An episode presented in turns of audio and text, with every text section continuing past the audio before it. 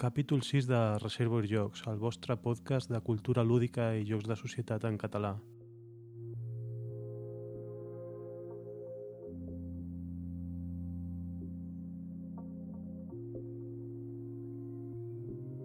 Fa, fa només uns, uns minuts que, que els he escrit als companys d'Avis Lúdica, els he enviat un àudio correu que no sé si el, el passaran al, al proper capítol d'Avis Lúdica, eh, que ja sabeu que és un podcast que, que és referent a, en el món dels podcasts dels jocs de taula a nivell estatal, que el porten el David Arribas i el Javier Calvo i que per nosaltres sempre han estat un referent perquè ens han ajudat molt també en la tria de, de l'equip i del software per, per publicar i penso que altres podcasters també els han donat un bon cop de mà i bé, sempre els tenim presents com, com uns amics i com uns um, companys.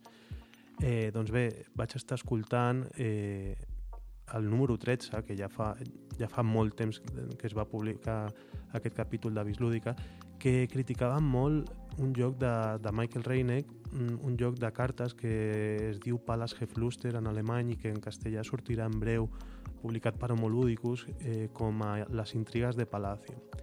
És un joc que jo vaig descobrir fa molt poc, perquè me'l va oferir el Jordi de la botiga Jugar per Jugar i me'l vaig portar aquests Nadals a, al poble de la meva parella, allà a Guipúscoa, i amb el grup de lloc que tenim allà va agradar moltíssim el lloc, eh, va agradar tant que es va quedar allà, ja no, ja no va tornar de, a Barcelona i, i bé, mm, vaig estar investigant una mica més sobre, sobre aquest joc i vaig descobrir també que el podcast La, la voz de su juego que porten el Vasco i el Fran Efegarea que tenia molt bones sensacions perquè el recordaven com un joc de, típic joc que el, que el grup, l'expedició de Barcelona, com diuen ells quan van a Essen, que, que van comprar tots perquè era un joc així molt portàtil com el que ha passat aquest darrer festival de escena amb el Get Beat, el joc del tauró i els nedadors, no?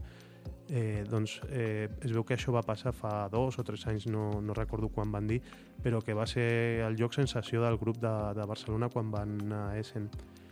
I si també el, el Pol Cors d'Homolúdicus es decideix a, a traduir-ho i a publicar-ho i a distribuir-ho des d'Homolúdicus, deu ser que el joc no és dolent del tot i per això els he escrit per veure si, si es retracten una mica de, de la seva opinió que van donar quan era una novetat, ara ja fa 3-4 anys que va sortir, o si encara continuen pensant que és un joc mm, mediocre o, o dolent, com van dir en el seu moment. Jo és això, que és que s'ha de ser prudent quan tens un podcast i no pots eh, dir la teva opinió així alegrement perquè pots, eh, pots sentar precedent i pots eh, condicionar la gent perquè no, perquè no compri un joc que a lo millor sí que és bo i, i el que passa és que no s'ha provat gaire i bé, eh, hi ha un cas semblant que justament amb el, amb el Michael Reineck també que m'ha passat a mi i és que vaig comprar-me el, el, el joc Santiago de Cuba que distribueix Ludonova i el vaig provar a dos amb la meva parella i em va semblar que, bueno, el joc em va semblar dolent, però és que va ser una partida a dos que el tauler és semimodular, jo dic semimodular, a un tauler que, que és com el del Celtis, per exemple, que, que tens un tauler fix i, i a sobre li has de posar unes peces que, que canvien una mica el tauler, no és modular totalment com el Carcassonne, que tu crees sempre el tauler amb les peces, sinó que aquí és un tauler que té algunes coses impreses al, al tauler i altres varien segons on col·loquis les peces, no? I bé, el, el Santiago de Cuba el que ens va passar és que el vam jugar dos i va donar-se la casualitat de que la distribució de les peces que van posar a sobre, que són peces de, de personatges i d'edificis que hi ha a Santiago de Cuba, que et permeten fer unes accions unes altres, van quedar distribuïdes d'una manera que jo em vaig quedar sense diners i només em podia moure una, una casella de personatge cada vegada que era el meu torn i van quedar distribuïdes d'una manera que es va col·lapsar el lloc, que jo no jo estava perdut, jo no podia fer res més que, que anar passant d'un personatge a l'altre i era la, la meva parella la que jugava amb mi perquè jo no tenia sortida, no, no podia fer diners per, per, per poder anar més enllà d'una casella cada vegada que era el meu torn i jo estava col·lapsat totalment i clar, aquesta és la sensació que, que pot donar que un joc és dolent però perquè l'has provat amb, amb una distribució que no és eh, del tot el més correcte o amb, o amb un número de jugadors que tampoc és el més adient. I jo per això, en lloc de valorar, mm, el que he fet és anar a la Board Game Geek, a la BGG, i dir que aquest joc que vagi la gent en compte de jugar-ho a dos jugadors, perquè pot passar això. Igual és un joc que es disfruta molt més i és molt millor a, a 3, 4 jugadors que no passa a dos. I només vaig fer això, això perquè a la BGG pots votar amb quin número de jugadors funciona millor un joc. I jo, de moment, el que he fet és dir que a dos, compte, prudència perquè, perquè no funciona del tot bé. I quan el provi més i amb altres jugadors i amb un grup diferent, doncs diré, mira, és un joc bo, és un joc dolent, però de moment la sensació és aquesta, que es va col·lapsar a dos, només és això, es va col·lapsar a dos i ja està, la capsa posa que és de dos a cinc jugadors, o de dos a quatre, no recordo bé, però a dos hi ha aquest perill. I igual amb una altra distribució del tauler hauria funcionat perfectament a dos, però va donar aquesta casualitat. I res més, hem de ser una mica prudents a l'hora de llançar la nostra opinió i no condicionar, és això. I espero la resposta dels companys de Bislúdica, que segurament sí que la donaran, i eh, a veure què, què opinen ara que ha passat una mica el temps del Palace Gefluster, les intrigues de Palacio.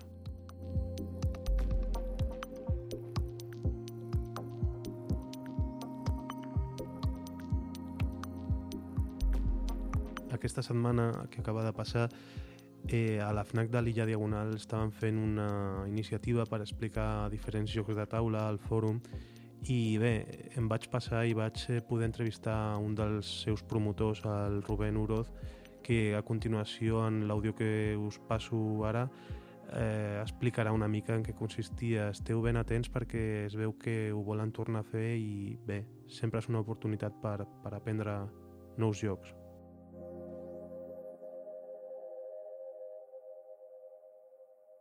Bé, estem aquí a, a la FNAC de, de l'illa Diagonal i estem amb el eh, Rubén Uroz. Uroz. Eh, I bé, bueno, és el responsable... Ets d'informàtica o...? Sí. Però bueno, és un impulsor de la iniciativa de jocs i taules, taules i jocs, penso que es diu, que, que bueno, és un, com una setmana que han estat aquí mostrant jocs a, al fòrum de, de, de l'illa Diagonal de l'EFNAC. Eh, preguntarem quins jocs han, han estat mostrant durant aquesta setmaneta.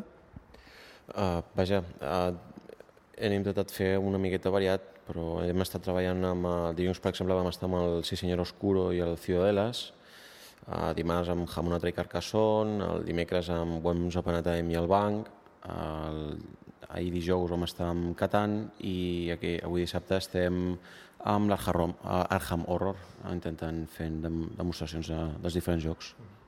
La, la iniciativa ha estat idea de, de FNAC, de, com a FNAC a Espanya, idea de la botiga aquesta de, de l'illa Diagonal, eh, proposta vostra, proposta de, de ve de dalt, com, com ha estat això?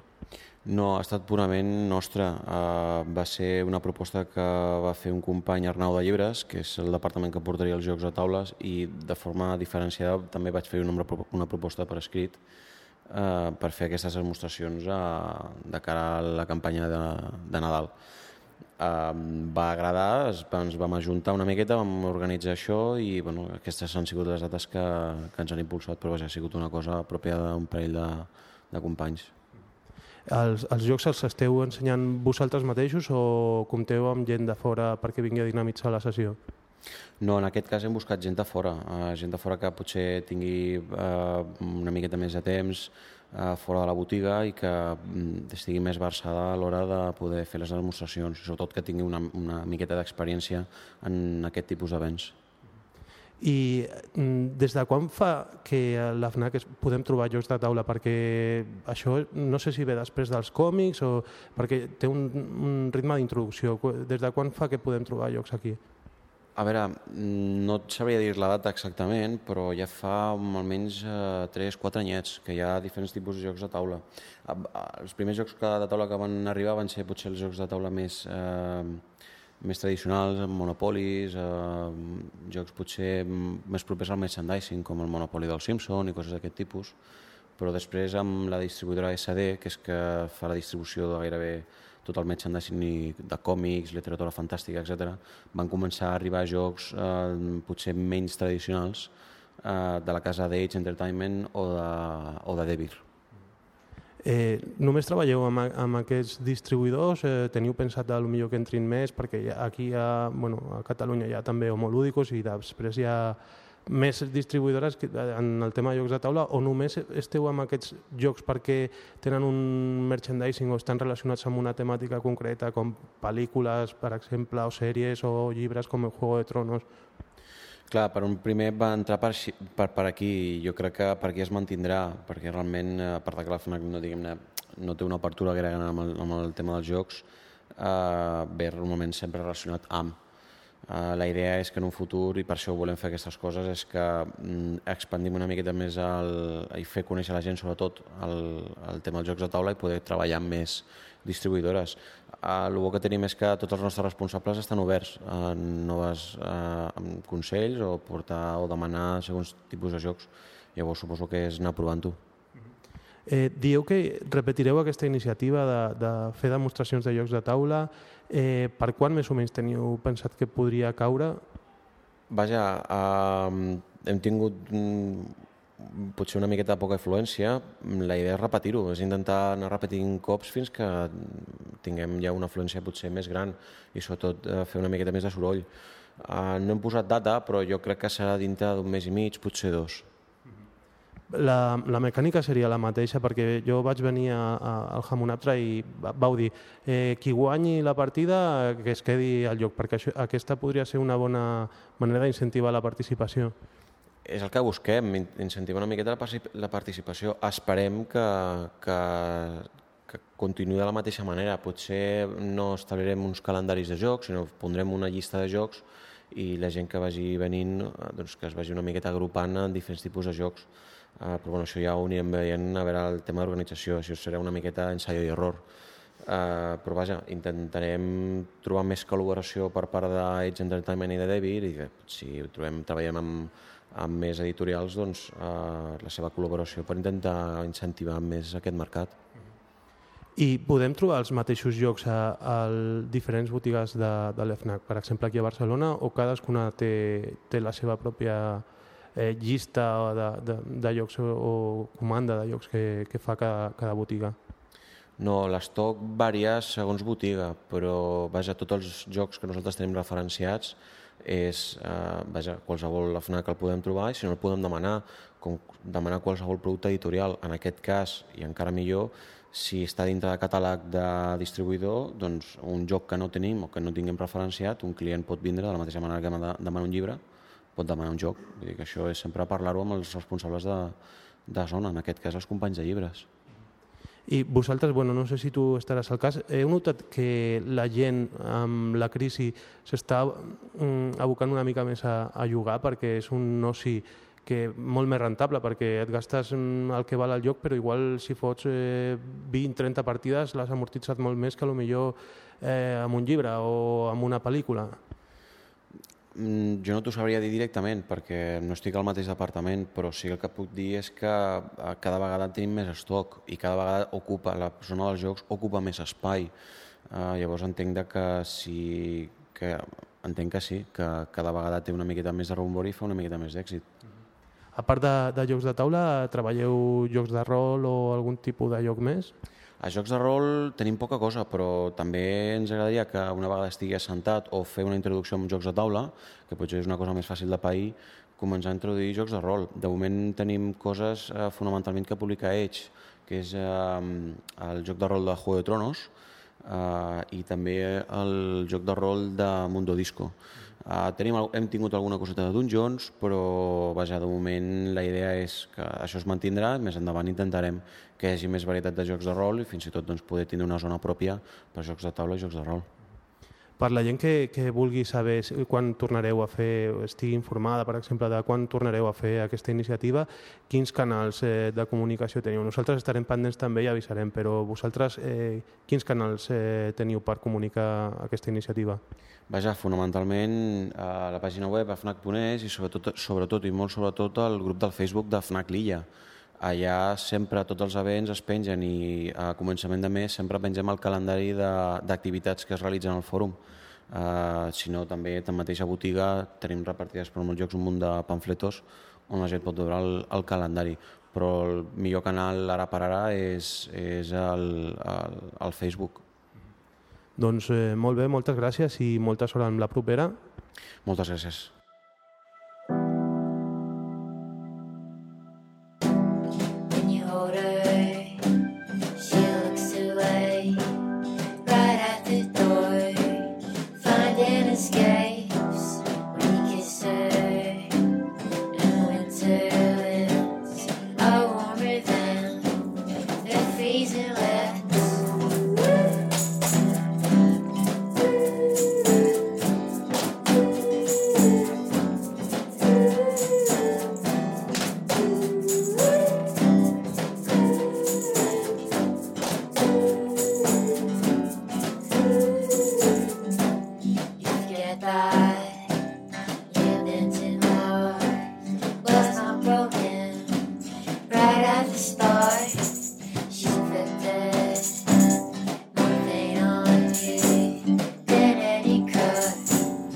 it did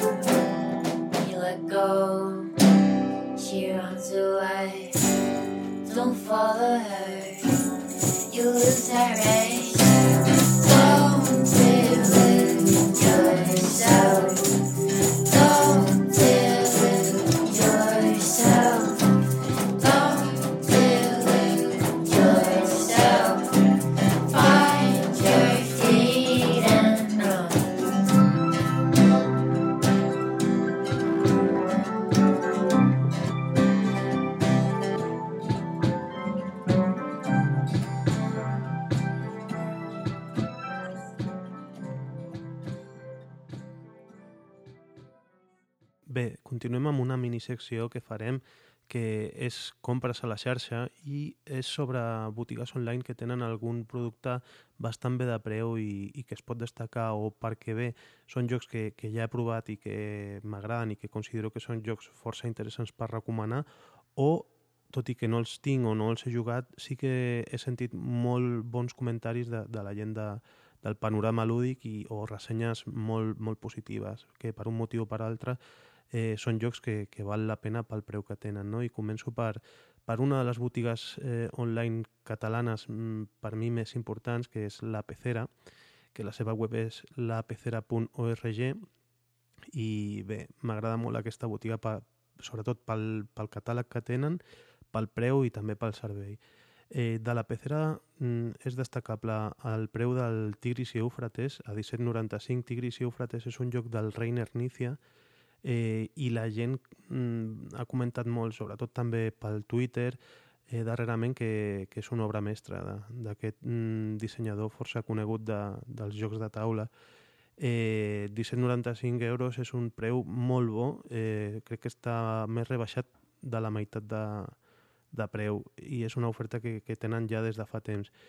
I també mm, destaco Vineta. Vineta és un joc que val 14,95. És un joc d'uns dissenyadors, eh, Mauricio Gibrin, eh, Mauricio Miyagi i Fabricio Onsa.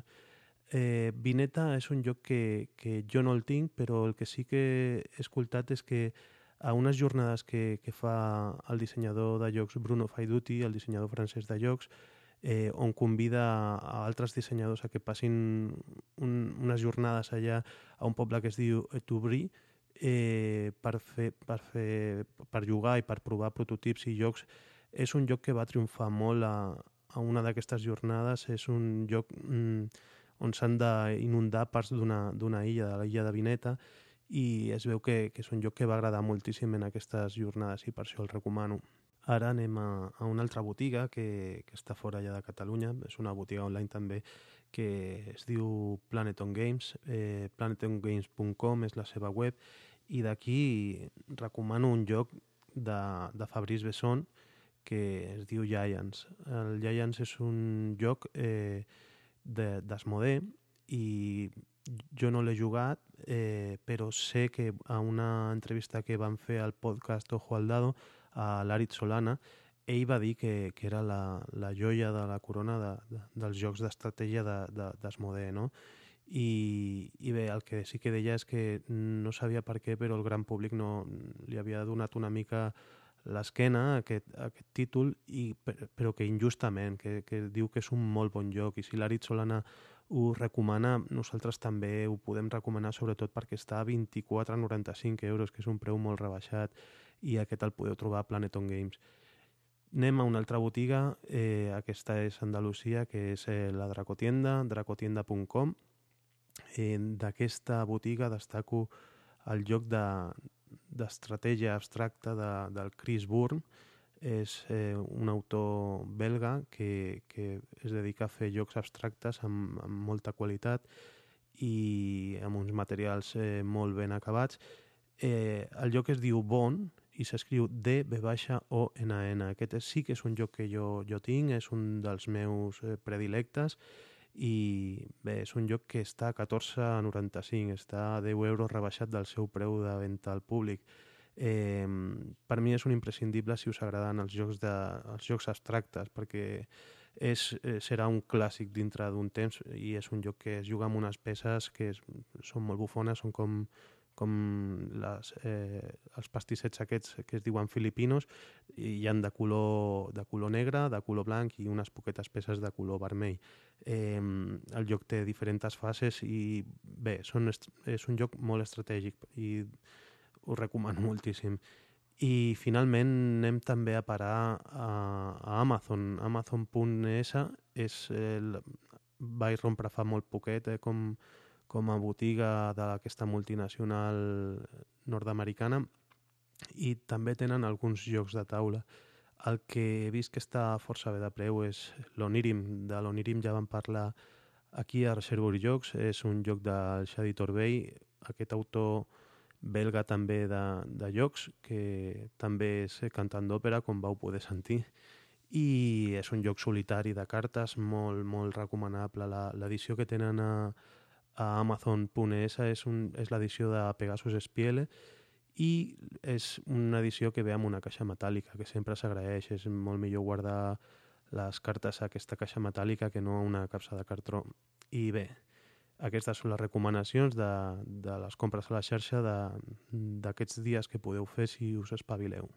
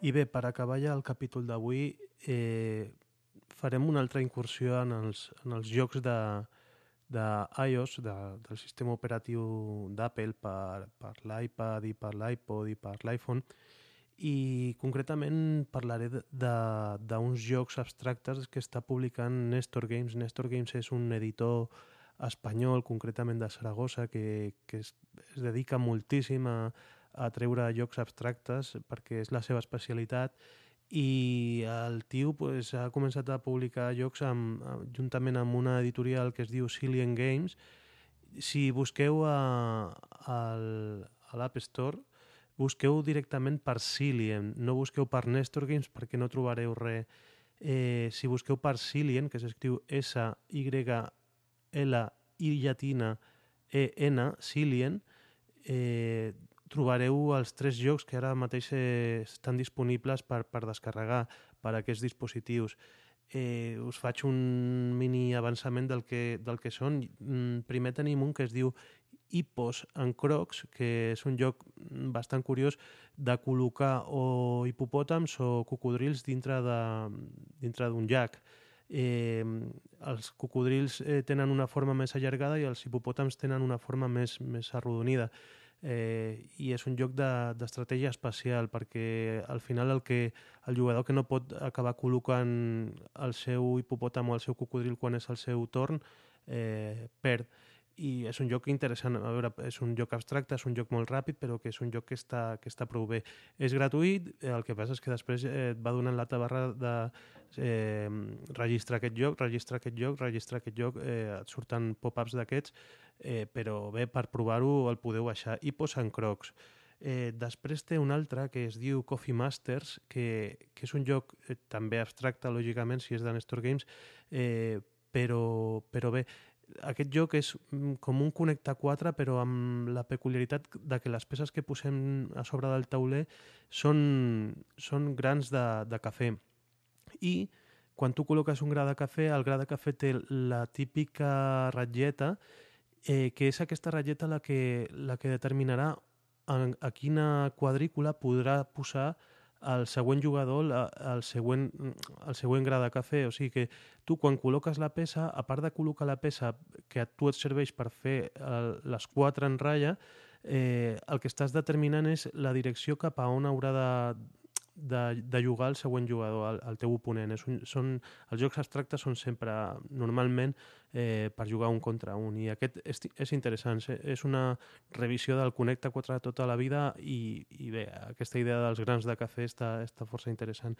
I després l'últim és, és un que es diu X-Masters. X com, com hexàgon. Eh, H-E-X. X-Masters. I és un joc mm, que consisteix en creuar mm, d'una banda del tauler a l'altra col·locant peces eh, hexagonals. Eh, és un joc bastant senzill també, eh, el que passa és que eh, fàcil d'entendre, com són tots aquests eh, jocs eh, abstractes, molt fàcils d'entendre, de, ho, ho entens en, en un minut, però difícils de, de, de dominar. I bé, de moment té tres a, a la a la a l'Store d'Apple, a l'App la, Store, eh, doneu-li un cop d'ull perquè són gratuïts per provar, després ja. Sí que quan us comenci a atabalar amb, amb els, amb els pop-ups aquests, pues, eh, les borreu, però, però val la pena de provar-los perquè són jocs abstractes diferents. Eh.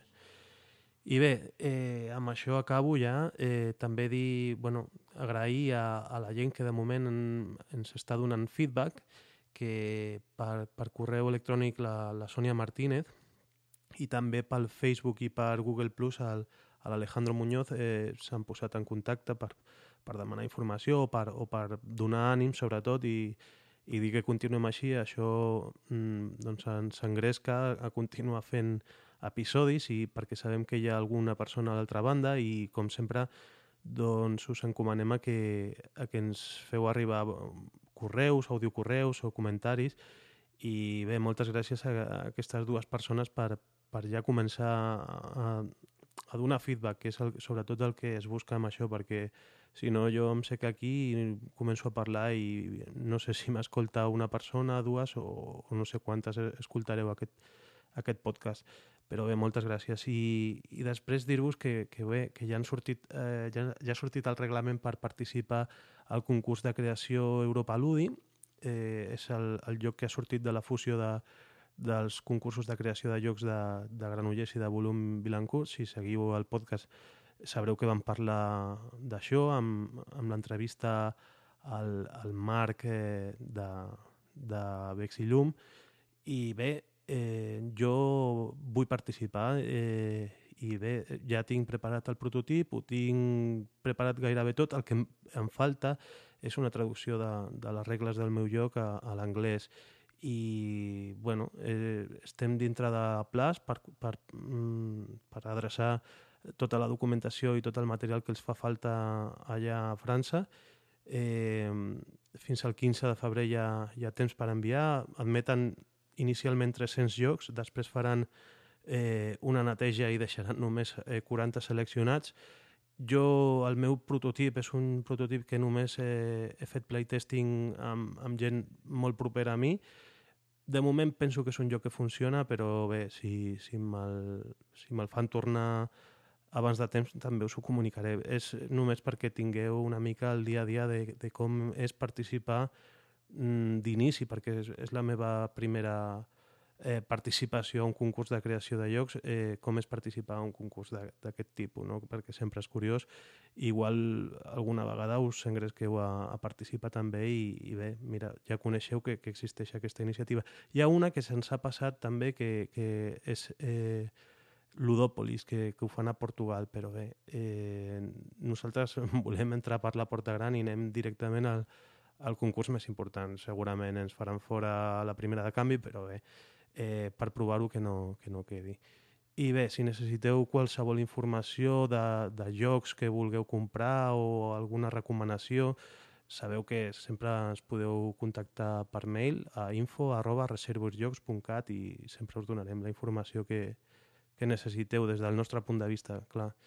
I bé, moltes gràcies. Aquest ha estat el capítol número 6. Ja sabeu que també a reservosjocs.cat anem penjant vídeos i, i cosetes així que us poden interessar i justament la, la Sònia Martínez mm, va veure el vídeo també de, que, en el que explicàvem les diferències de, de la primera i la segona edició del, del Hanabi del, del Anton Bosa i, i bé, bueno, ella diu que el té i que li agrada molt nosaltres, a nosaltres també ens encanta el, el Hanabi, és un, és un gran joc. I bé, res més, eh, que us esperem aquí i normalment això són 15-20 dies per, per fer un altre capítol, si tot va bé. El que passa és que igual ens hem endarrerit en aquest últim perquè hi havia exàmens de la UOC i, i festes pel mig, però bé. Eh, gràcies per tot i fins aviat.